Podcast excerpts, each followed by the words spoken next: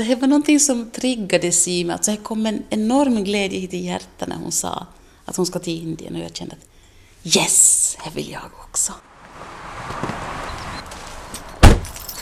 I utkanten av Jakobstad, en bit längs Kolbyvägen, i ett enplanshus ska jag träffa Britt-Marie Löv. Oj, vad doftar gott! Ja. ja. Vem var det som, som skällde ut Det är min lilla Shakira. Det var Gullo. Jag är inte. Ja.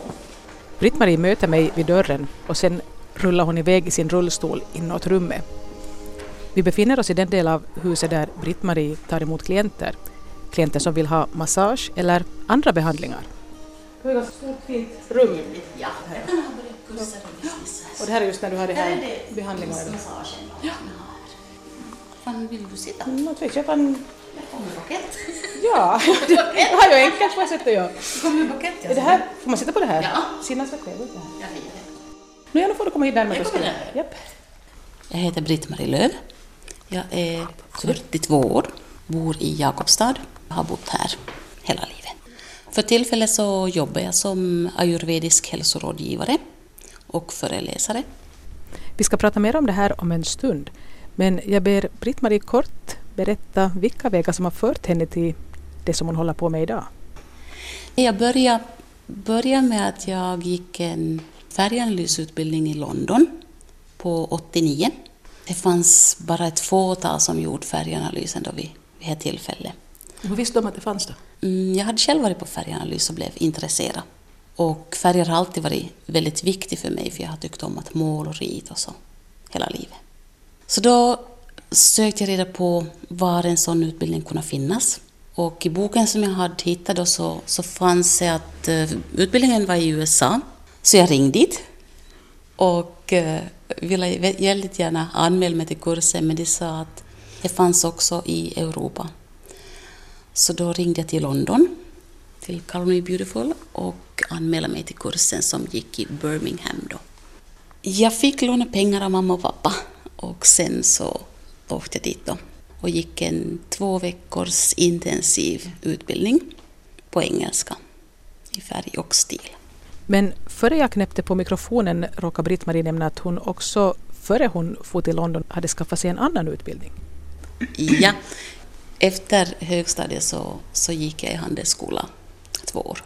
Det var absolut inte min grej. Utan jag vill gärna jobba med människor, hellre med papper. Jag har själv aldrig varit på någon färganalys men jag minns att eh, det fanns en tid när folk pratade om att välja färger enligt årstidsbeteckningar. Det var väl just det här det. När man brukar kolla åt folk om det var det höst och vår och sånt Mm. som det hette. Ja. Precis, höst, vår, vinter och sommar. Sen jobbade jag med det här i nio eller tio år faktiskt. Startade mitt eget företag då och jobbade med det här.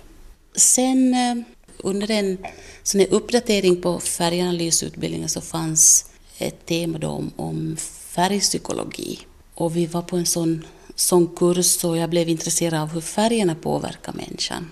Och där kom jag i kontakt med eh, färger via chakrasystemet och började då se färger ur en annan synvinkel.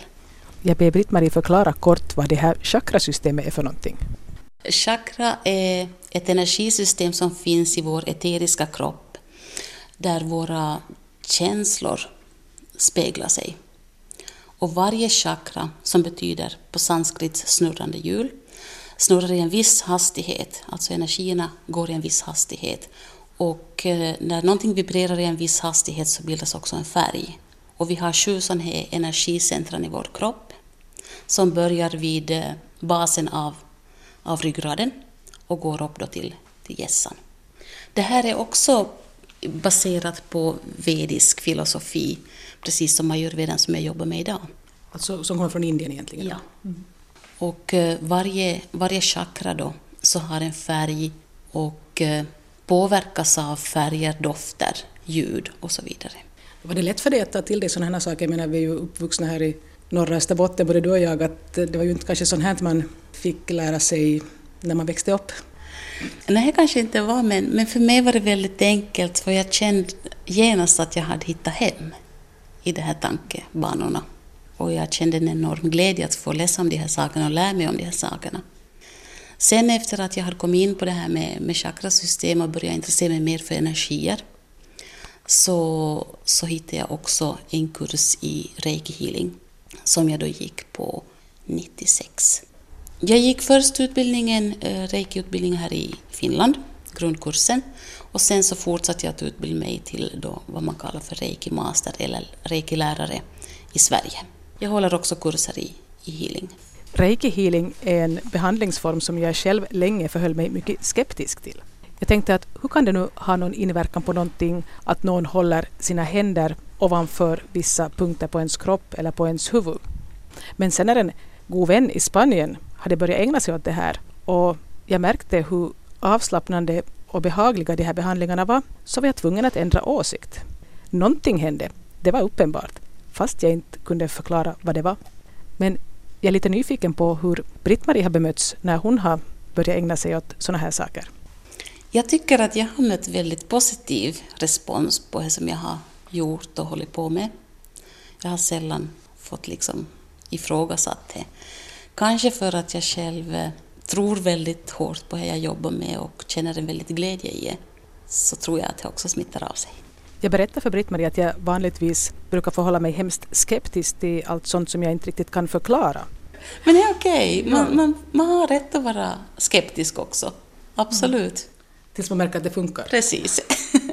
Så du höll på då med reikibehandling här i Jakobstad också? Mm, jag höll på då och eh, trivdes väldigt bra med. Jag eh, läste också om feng shui och energiinredning, höll meditationskurser och då informerade om chakrasystem och sådana saker.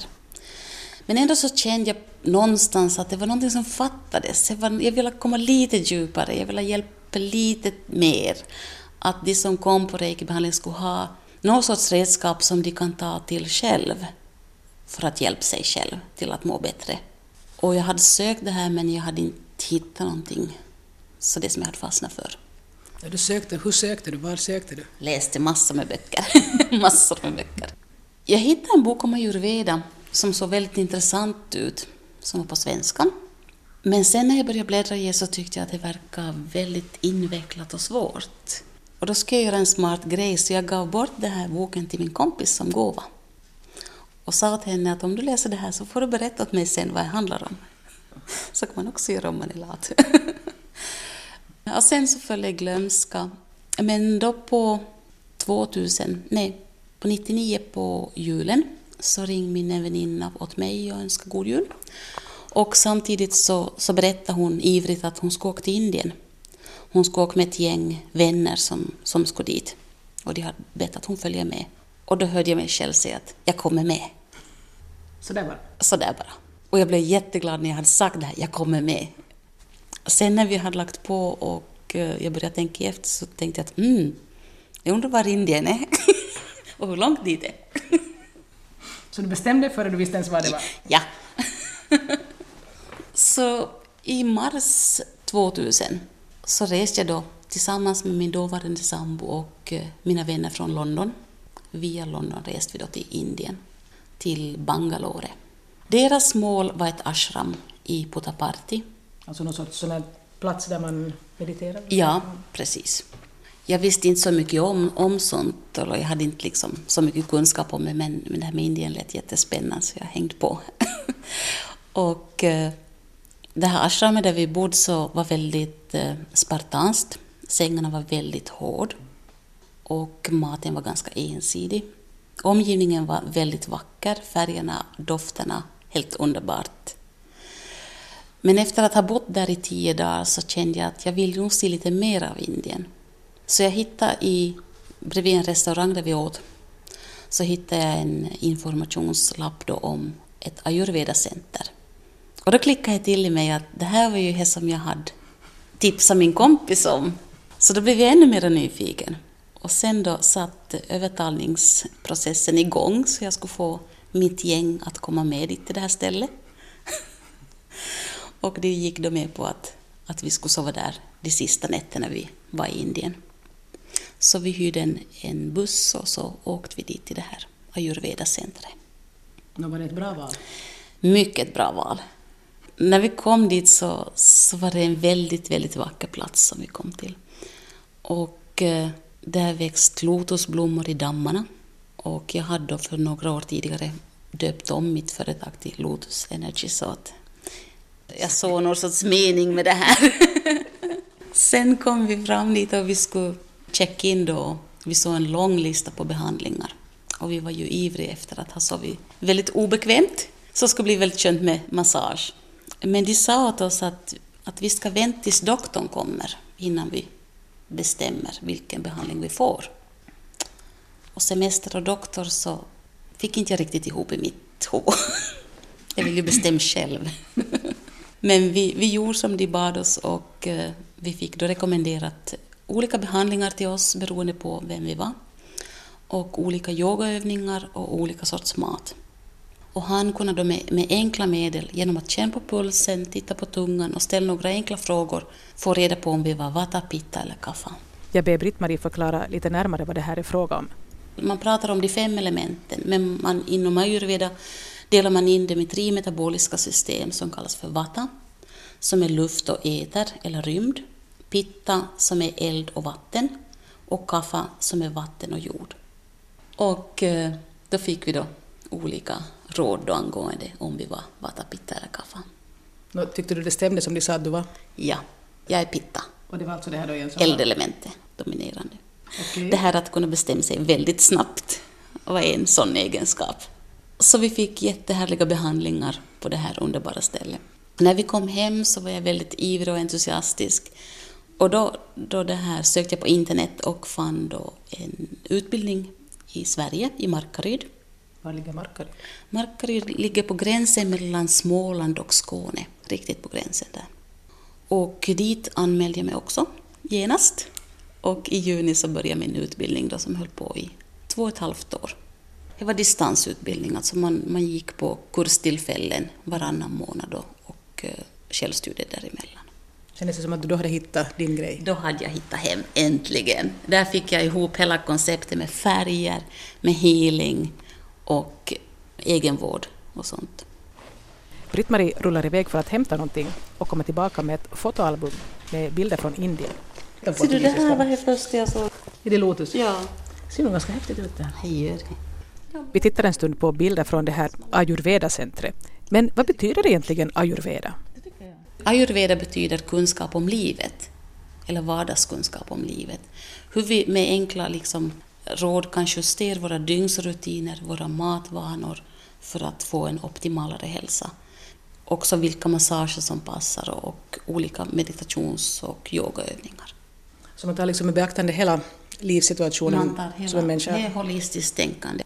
Och också det här är väldigt förebyggande. För de flesta, de flesta sjukdomar eller obalanser härstammar från en, en dålig matsmältning. Och vi har väldigt mycket matallergier i, i Norden speciellt. Vad, är det, vad beror det på då? Jag tror att vi har fel sätt att leva och eh, eftersom vår säsong där vi odlar är väldigt kort så stressar vi också odlingsprocessen. Men främst också att vi, vi äter fel.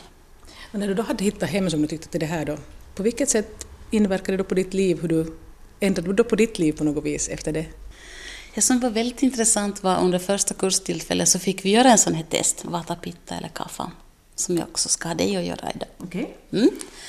Och eh, där kryssade jag i det här då, glatt då liksom, och fort kryssade i det här testet. Och, och kom fram till att jag fick väldigt höga vatapoäng och pitta då.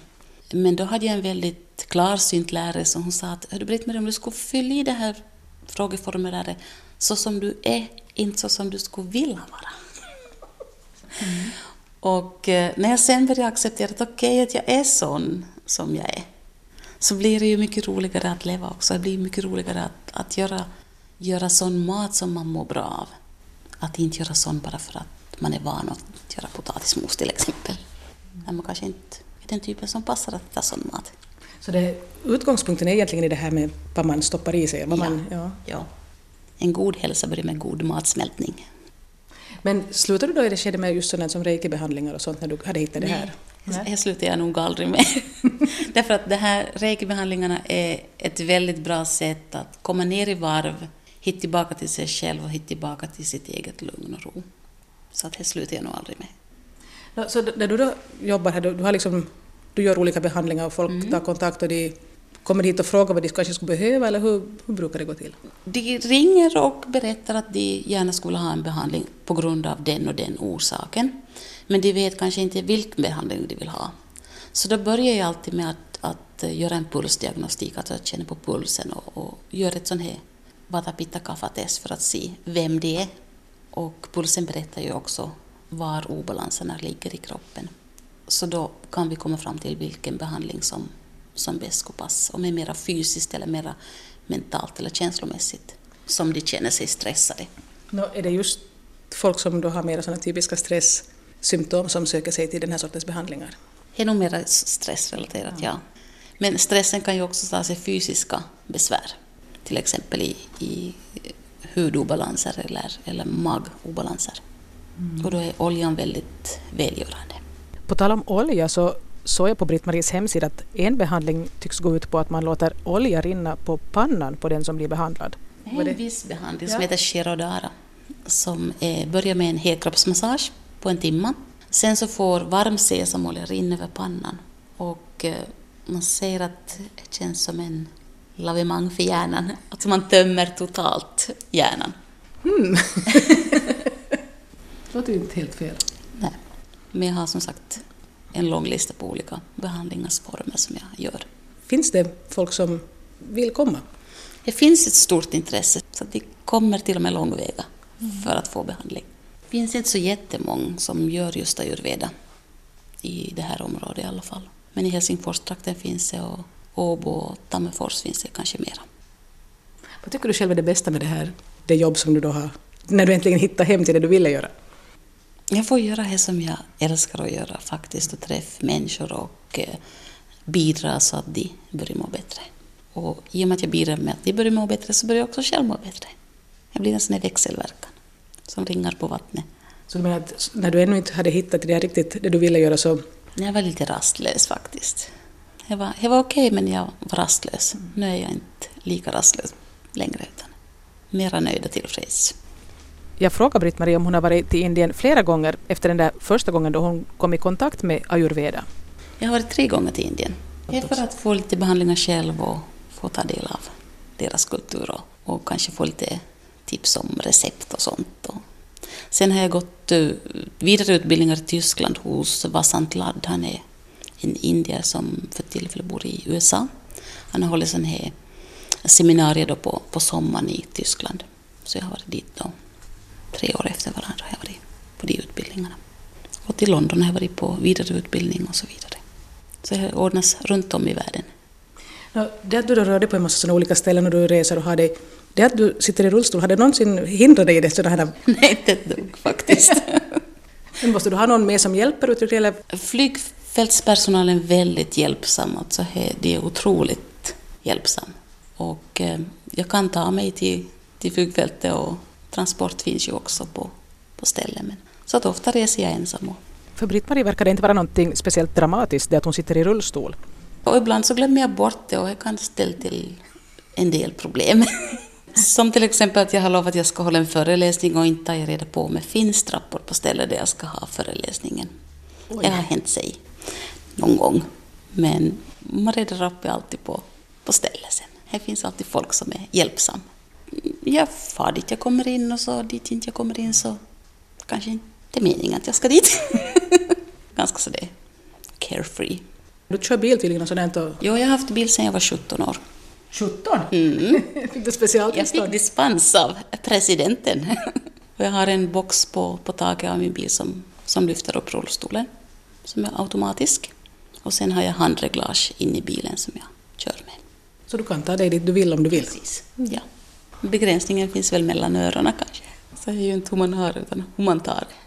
Men just det här att det är inte hur man har det, utan hur man tar det. Så det glömmer vi hemskt ofta bort. Och hemskt många av oss lägger en massa tid och energi på att gnälla över saker som vi inte kan förändra. Eller ifall vi kan förändra dem så lägger vi inte energi på att förändra det utan vi gnäller istället. Jag märker redan vid, vid kostråden som jag ger åt, åt klienter att, att man har ju sin rutin och man har sina vanor. hur jobbigt de ibland tycker att det blir när jag försöker liksom ge råd om hur de kan förbättra det här så att deras hälsa ska liksom ta en bättre vändning.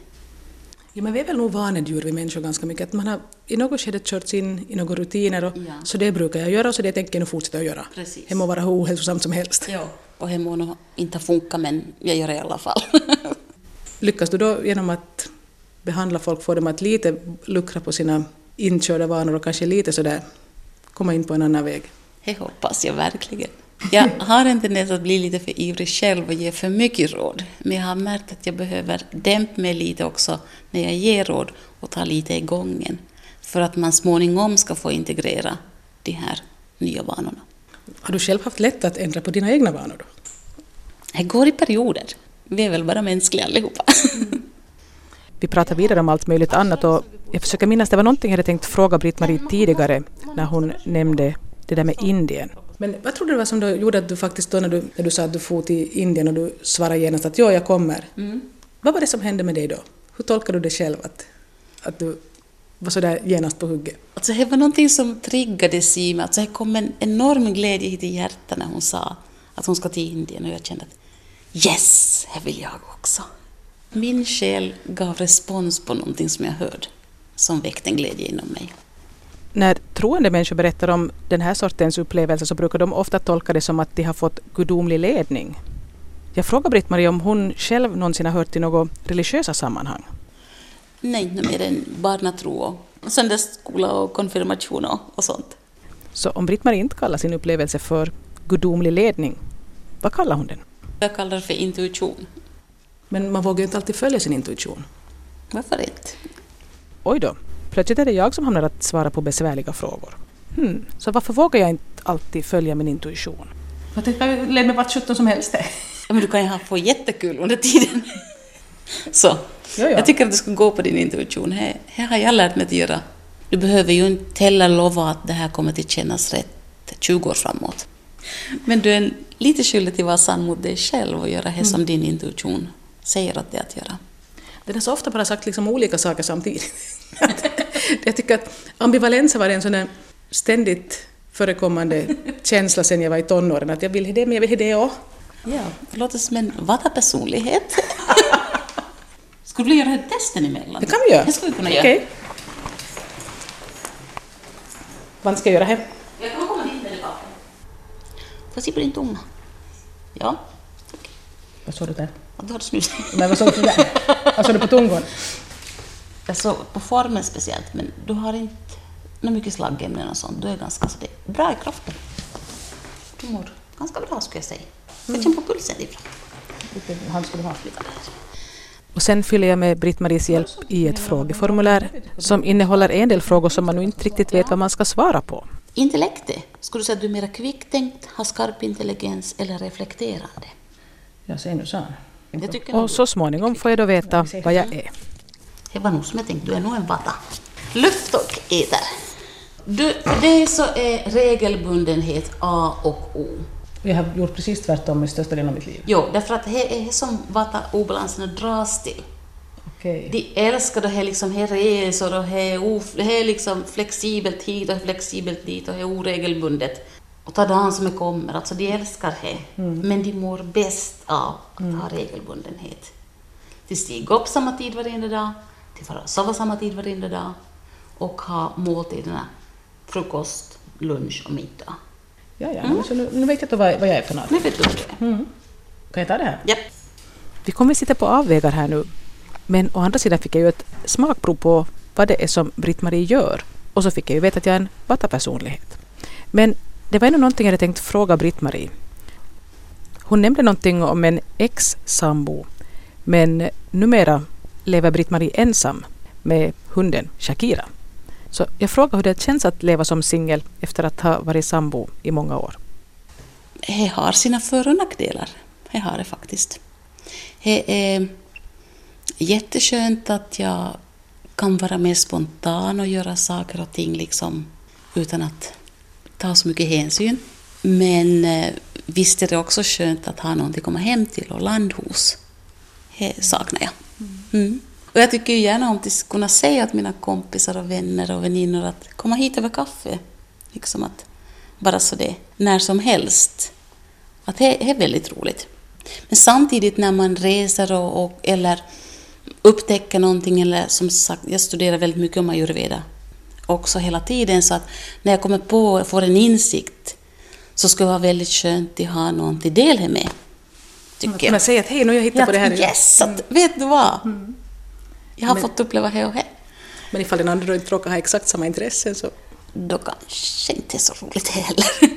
Men man väljer kanske nog en sån partner åt sig som, som delar ens intresse, eller åtminstone har förståelse för ens intressen. Man behöver ju kanske inte ha samma intresse, men förståelsen för varandra är väldigt viktig. Och kanske att man delar med sig av det utan att behöva övertyga den andra om, utan bara det att man vill delge är ju en, en härlig del av, av ett parförhållande. Mm. Nej, men det är att man tar ansvar mm. själv också för sin egen lycka och att man inte lägger över det ansvaret på om man har en, en sambo eller en, en partner. Att man inte lägger över och ser att de ska fixa lyckan åt en, utan att man ser att man blir självförsörjande på det också. Och så är det bara bonus om man hittar någon som man Precis. samtidigt vill leva med. Precis, då är det en extra bonus. Att man får del i lyckan med någon. Jag tror att vi, det är vanligt att man tänker att någon annan ska kunna tillföra någonting som man själv saknar. Men man måste hitta inom man sig själv? Man måste hitta inom sig själv. Mm. Först då så kan man vara i balans tillsammans. Skulle du säga att du som för tillfället är nöjd med ditt liv? Jag är väldigt nöjd och lycklig för tillfället, ja. Mycket. Har du några projekt och planer som du tänker att du har liksom något sånt som du är på väg åt något visst håll eller? Jag vill utveckla det här mera tolkkurser i ayurveda. För genom att lära ut åt andra så lär jag mig så mycket själv också. Och för tillfället så håller jag på... Jag säger att jag skriver ett häfte om Vata Pitta Kapha.